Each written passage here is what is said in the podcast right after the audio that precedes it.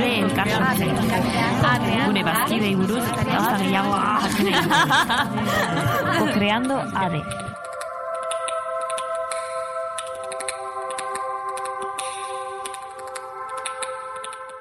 El ir a Inglaterra para mí al principio era como irreal, porque ya había ido a Barcelona a estudiar eh, podología ¿no? a la universidad y para mí ya era fuera eso, estar fuera de casa, Vale. eh, ambiente estudiantil.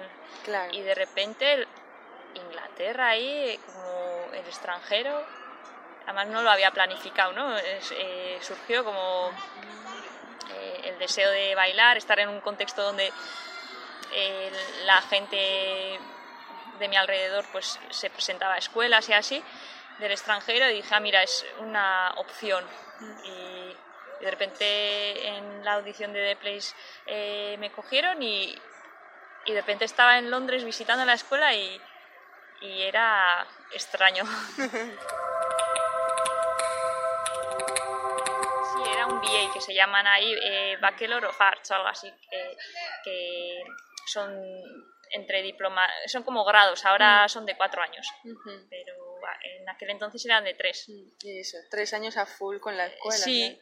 Entonces casi todo el mundo vive pues en, en la periferia de Londres, ¿no? Mm. Que tardas como con dos transbordos de bus, de metro, no sé qué. Te despiertas súper pronto y cuando llegas a la escuela, ya hasta que vuelves, pues llegas a las... eh, no me acuerdo del horario, pero pronto, pues eh, imagínate, pues eh, nueve, pero nueve, tú te has despertado casi seis y media y llegas a casa a las diez y media de la noche, o sea, todo el día en la escuela. Para mí, en ese momento, la, la Londres era la escuela. Claro.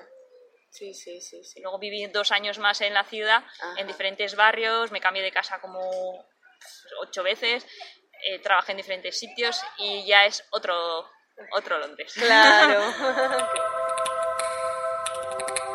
Eh, técnica de clásico, técnica de contemporáneo, eh, coreología, que aquí se llama análisis del movimiento, pero Mm. ahí le llamamos coreology, y luego improvisación, composición, colaboraciones, que eran o con estudiantes de dise- eh, diseño textil o, o músicos.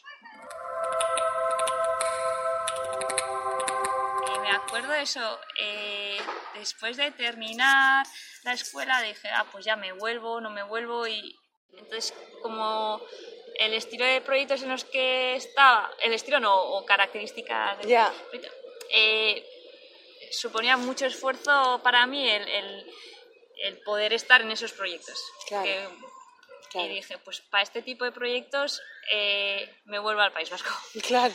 Sí, sí. Que siempre el tema era el espacio y la distancia. Sí. Para ir a un ensayo eran dos horas de bus, el espacio valía 16 euros la hora, en aquel entonces, o sea, ahora no sé cuánto puede valer una sala. ya. Era todo... Era costoso. Era, Era todo un costoso. esfuerzo. Un esfuerzo, sí. Que lo has dicho. Sí. sí.